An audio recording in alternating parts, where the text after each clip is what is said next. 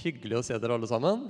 Jeg er Per André, og ja, jeg har med en spesiell gjest i dag. Jeg vurderte å bygge opp liksom en sånn spenning rundt akkurat hvem det var, men uh, siden det er annonsert to ganger i møtet, så dropper jeg det. Kan jeg få litt monitor foran her? Check, check. Bra. Ok. Den store overskriften i dag, det er 'Mer himmel på jord'.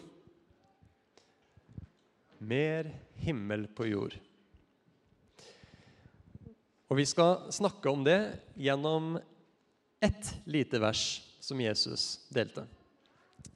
Men først Se for deg at du kommer over en sånn investeringsmulighet som er helt makeløs.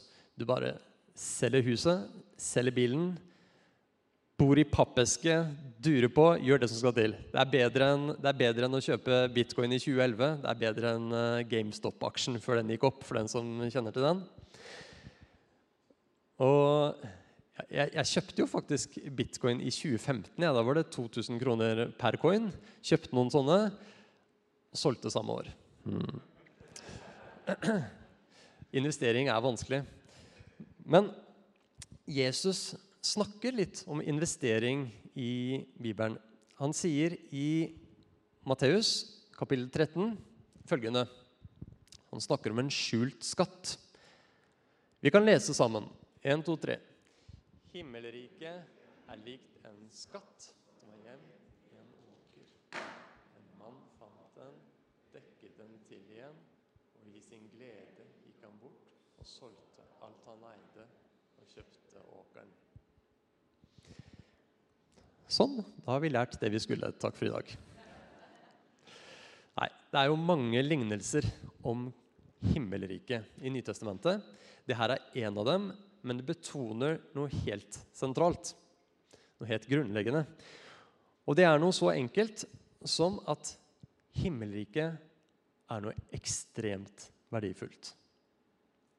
Det er noe som er verdt å investere i. for livet våre og for resten av verden. Så Første poeng himmelriket. Hvor er det? Hva er det? Er det himmelen som vi kommer til når vi dør? Ja Kanskje ikke helt.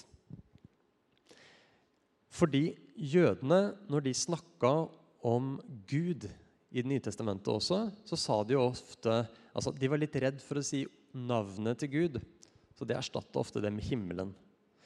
De sa 'himlenes rike', 'himmelens rike'. Det de mener, er Guds rike. Så Vi snakker her om Jesu forkynnelse om Guds rike. Og når Jesus først åpner munnen i sin på en måte offisielle tjeneste så leser vi i Markus kapittel 1 at han sier Tiden er inne, Guds rike er kommet nær. Vend om og tro på evangeliet. Guds rike er kommet nær. Det som før var bare i liksom det helt himmelske, det har nå på en eller annen måte kommet til jorda. I en forsiktig start. Himmelriket er allerede her og har vært det da i mange hundre år. Så Guds rike er en realitet her nå. Men hva skal vi forbinde med det? Hva, hva tenker dere når dere hører ordet liksom, himmelsk? Eller himmelen, himmelriket? Kanskje du tenker på fravær av konflikter? En helt annen type liv, annen type hverdag, en annen type verden. Frihet fra depresjon eller sykdom, angst. Eller kanskje du tenker på bare det å ha venner, ha gode venner. Det er sånne ting som man savner når man først er ensom. I romerbrevet så står det at Guds rike består av rettferdighet, fred og glede. Mm, rettferdighet, fred og glede. Og Jesus han sier det greit sånn at når vi ber, så skal vi be om at det skal bli sånn som i himmelen, så også på jorden. Så man kunne kanskje tenke seg at uh, en dag så skal alt bare brenne, jorda blow up, og that's it. Men tror vi egentlig det? At etter millioner av år med skapelse og kulturbygging, så skal alt bare wipes? Og så blir vi til ånder? Nei, jeg tror faktisk at Jesus var mer praktisk enn som så. Han snakker veldig lite om å få mennesker bort fra jorda. Han snakker mye om å skape og se Guds rike her på jorda. Et av de orda som kanskje beskriver de himmelske tilstandene mest, det er ingen annen klisjé enn ubetinga eh, kjærlighet. Jesus snakker mye om kjærlighet.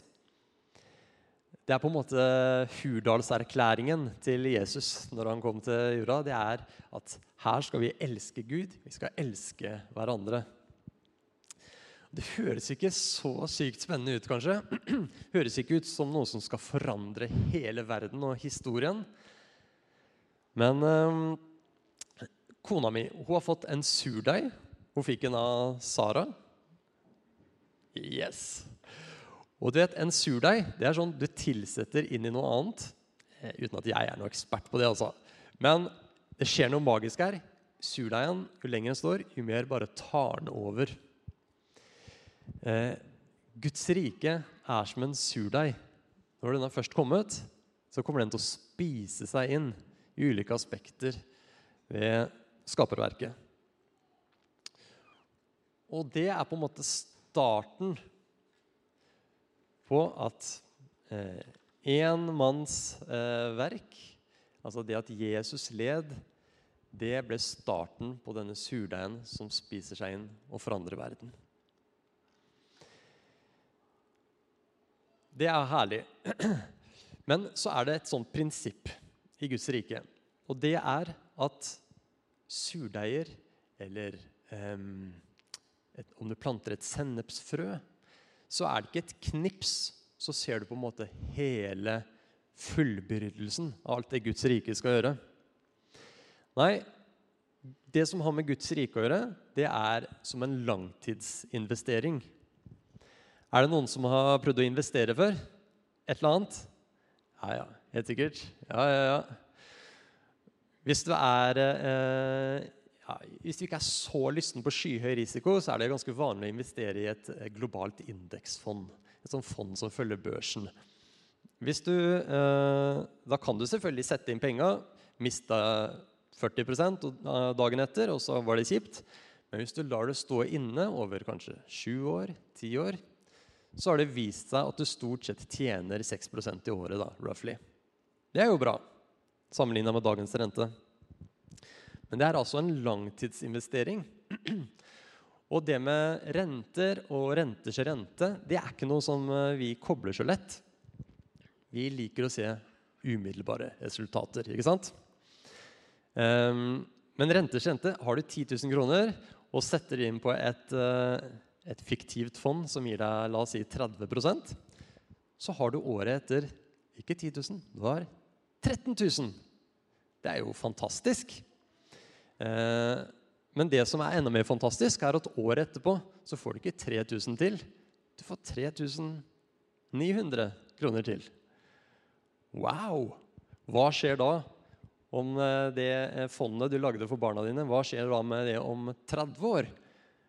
Ja, da skal du kanskje gange de 3000 ja, Kanskje ikke med 30, du må vel gange med 40 sikkert. Kanskje du sitter igjen med 400 000. Det er jo helt sjukt, bare fra de 10 000. Nei, de sitter igjen med 70 millioner. Einstein sa det, at renters rente er verdens åttende underverk. De som forstår det, de tjener den. De som ikke forstår det, de betaler den.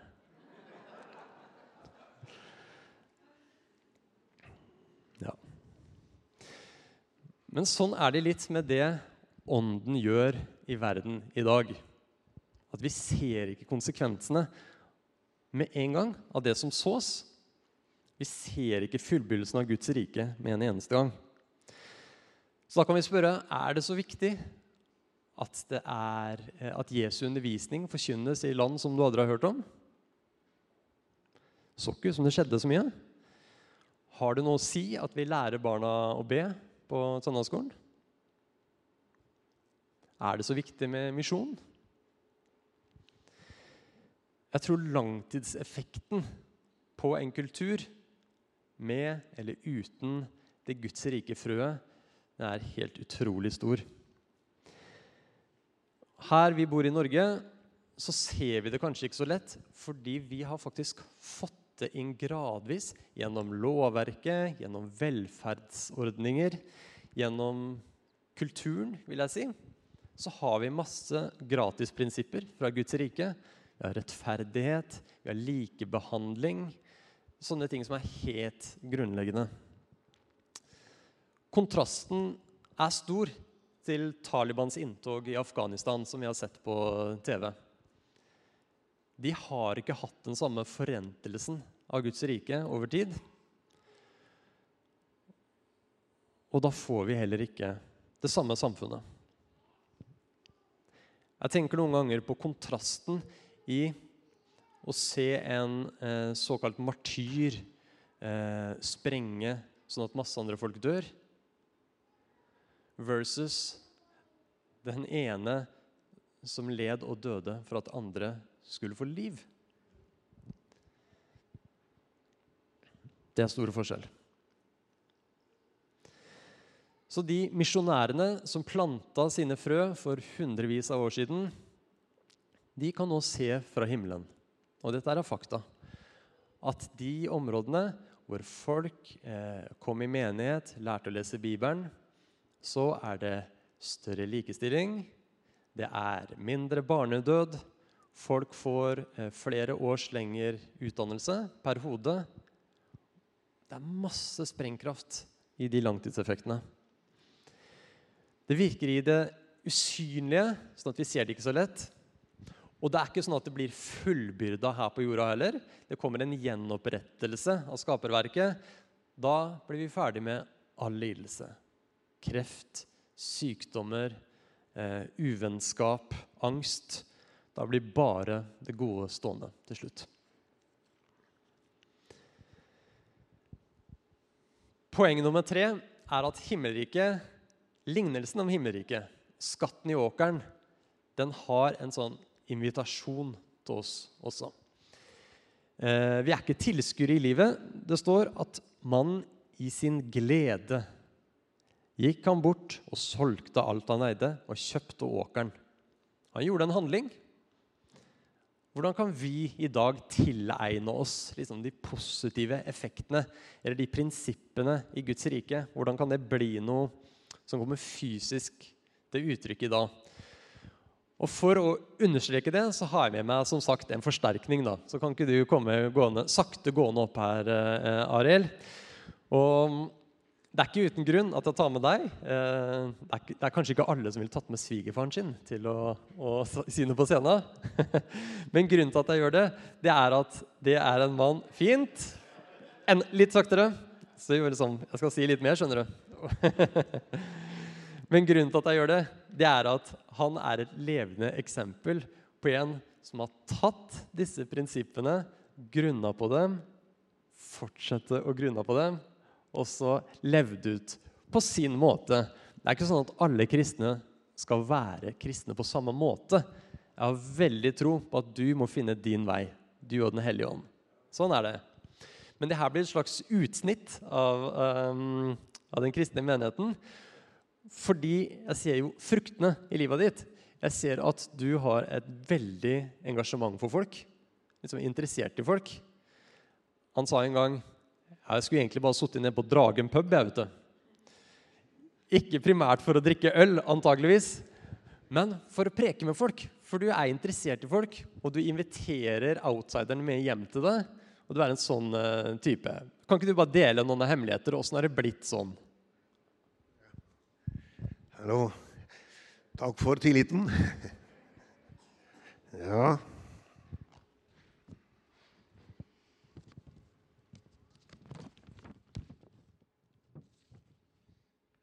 Halleluja. Halleluja. Evangeliet det er gode nyheter hver dag. Hver eneste dag. Så jeg tenkte på det, vet du at det står? At større, står det, er han som bor i meg, enn han som er i verden. I det naturlige så er vi begrensa, men fordi vi er blitt født på ny, fordi vi har fått del i guddommelig natur i vårt indre menneske, så kan vi være mer enn naturlige mennesker. Halleluja! Når angsten dukker opp og fortvilelsen dukker opp, så har vi en iboende kraft i vår ånd, i vårt hjerte. Tror du på det? Vi lærte på søndagsskolen vet du, at Jesus bodde i hjertet. Så tok det meg 25 år for å vite hva han gjorde der. Jeg trodde han bare lå inni hjertet, liksom, lå der på en sånn type gyngestol, og Jesus var i hjertet. Men han er der med en hensikt. Ikke sant? For i oss sjøl så er vi begrensa. Det står om det rent naturlig, rent menneskelig, og så tar vi rent evangelisk. Så har vi en fordel fordi vi er født på ny, vi er på nye skapninger. Og den nye skapningen den er full av Guds kjærlighet. Så når vi taler Guds ord til hverandre og backer hverandre opp, så blir vi fylt av en kjærlighet som gjør at vi kan møte andre mennesker også med den samme kjærligheten. Det som har forandra livet mitt mest, det er det da jeg forsto at det her med rettferdiggjørelsen Først så prøvde jeg å gjøre så godt jeg kunne. Jeg strevde. Jeg, jeg, jeg var fordømt for ikke jeg gjorde det, og jeg skulle gjort mer av det. og Det var aldri helt nok. Men så forsto jeg det, vet du, at det, frelsesgaven Ikke fortjenesten, men det var en gave som jeg mottok. Jeg mottok rettferdighetsgavens overstrømmende rikdom, står det. Ikke så vidt det, vidt det går, men en overstrømmende. Og i Kristus fikk jeg se, der står vi hellige, feilfrie, uangripelige, ulastelige for Guds åsyn hver dag. Permanent. Og den gleden over de sannhetene der Halleluja, Jesus, jeg priser og takker deg, Far i himmelen, for at større er Han som bor i meg, enn Han som er i verden. Gleden over at jeg har en, en hjelper, en comforter, en som trøster meg, en som hjelper meg i mitt indre menneske. Det står det. Nå drikker jeg fort her. Går det greit? Hvis ikke, så gjør sånn. Halleluja. Det fins en som er større. På engelsk så står det Greater is that is in me.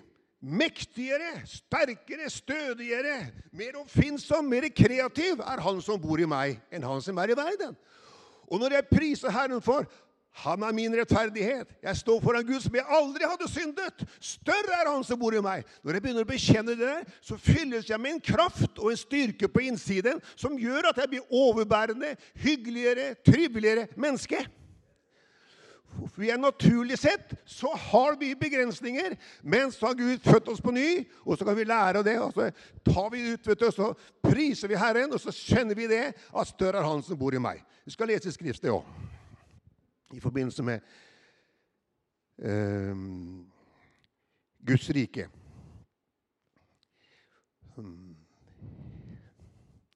Jeg skal lese om fariseerne som snakka med Jesus. Det står i Lukas 1720. Da fariseerne spurte ham om når Guds rike skulle komme, svarte han dem og sa:" Guds rike kommer ikke på en slik måte at en kan se det med øynene. Se, og der er Guds rike, ja. Det er ikke sånn. Så står det heller ikke kan en si 'se her eller der', for Guds rike er inni dere. Tenk på det. Vet du, vet du hva som begeistrer meg med det? At Guds rike er inni oss. Og Guds rike som er persa her, at det består i rettferdighet, glede og fred i Den hellige ånd. Så når vi ser at Han har min rettferdighet ikke sant? Jeg lever, Han er min styrke, han er min rett, han er min glede. Så fylles min kraft og styrke, så vi kan ta det videre ut i vår hverdag. For det er det som er meningen.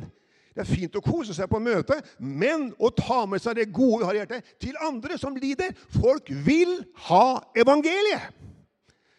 Vi vil ikke ha kristen kultur alltid, men vi vil ha Guds hjerte. Guds hjertelag vil folk ha. Halleluja! Og vet du at vi trenger å Vi kan tappe oss inn til det større er Han som bor i meg. Jeg skal avslutte med yndlings... Har jeg skjønt Det var en som hviska meg i øret at kvinnen ved brønnen det var Rune, Rune sitt favorittskriftsted. Vi skulle ta det her. Avslutte med det. Du vet, og kvinnen ved brønnen, stakkar, kom sliten og satt seg ved brønnen der. Og så kom Jesus og sa vet du, begynte Jesus å snakke med henne. Snakker du med meg, sa han. Jesus snakka med det som ingen andre vil snakke med. Det som ikke vi regner for noe, det vil Jesus snakke med. Det er et tydelig bilde. Og så kom Jesus der, og så sa han, 'Hvis du visste', sa han, 'hvem som snakker med deg nå' Hun visste det ikke. Så hadde du bedt han, så hadde han gitt deg levende vann. Jeg tenkte, levende vann, Så gikk hun ut på den fornuftige tankegangen igjen. Så sier hun at ja, men eh, du er vel ikke større enn Jakob, som ga oss brønnen her og drakk av den, og budskapet og begynte å legge i vei. Og så sier Jesus, den som drikker av det vannet her, sa han, han blir tørst igjen. Men den som drikker han, av det vann jeg vil gi ham, skal aldri i evighet tørste. Det betyr det, den som drikker, ikke drakk. Drikke, drikke, drakk, har drukket. Ikke den som drakk, men den som drikker. Og så forklarer Jesus det, vannet, det levende vannet, sa Jesus, det blir i han eller henne en kilde. Ikke det kommer en kilde i gang imellom, eller at det er innom, men det blir permanent. En kilde på innsiden. Og det er den vi gjør oss beroende av, den vi kan tappe inn til og leve ut Guds rike. For Guds rike er inni oss, den levende kilden er inni oss, og større er Han som bor i oss. Er ikke det fint? Halleluja! Jeg skal synge en liten sang. Det fins et liv, det fins en kraft, det fins en seier som det er forunt meg å leve i hver dag. Han ga meg nådekraft, han ga meg alt han eier. Jesus er det beste jeg har, for uten ham formår jeg ingenting. Men i ham formår jeg alt. Guds rike, det bor i meg. Han har regningen betalt. Mye, mye større er han som bor i meg. Mye, mye større er han som åpnet vei. Jeg gleder meg i Herren, jeg synger om Hans kraft. Jeg hviler i Guds løfter, både dag og natt. Det fins et liv, det fins en kraft, det fins en seier som det er forunt meg å leve i hver dag. Amen.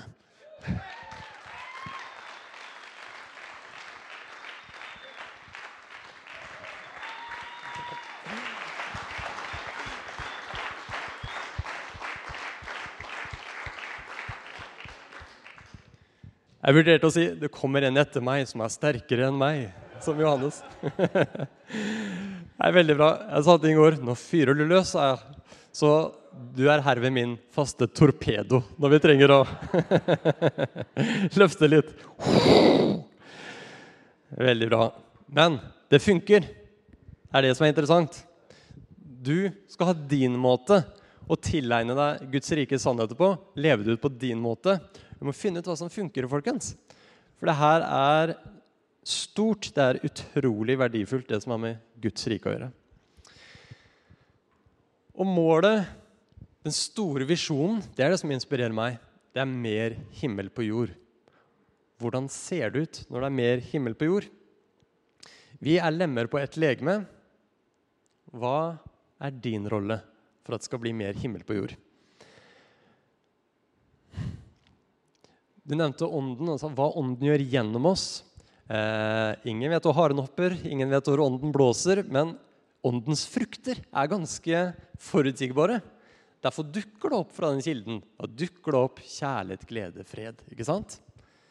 Love, joy, peace, patience, kindness, goodness, gentleness, faithfulness and faith control lærte jeg i sin tid. Og vi snakker ikke bare om følelsene av det her. Vi snakker selvfølgelig om den fysiske virkeligheten. Et forandra samfunn. Et forandra Fredrikstad et forandra forhold, kanskje. Et forandra sinn. Og jeg tror at når vi søker Guds rike først, så er det sant som det står. Vi får alt det andre i tillegg, med renter. Så takk, kjære Gud,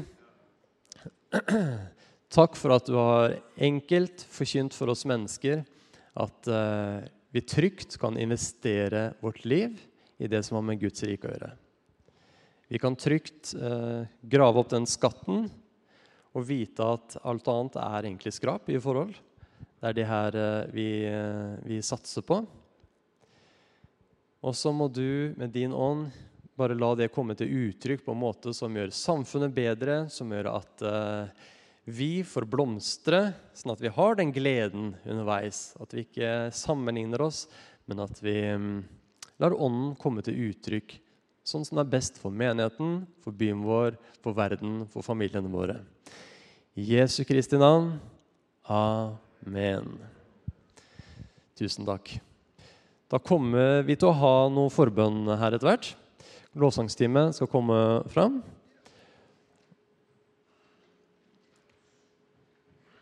Så fortsetter vi å takke Gud.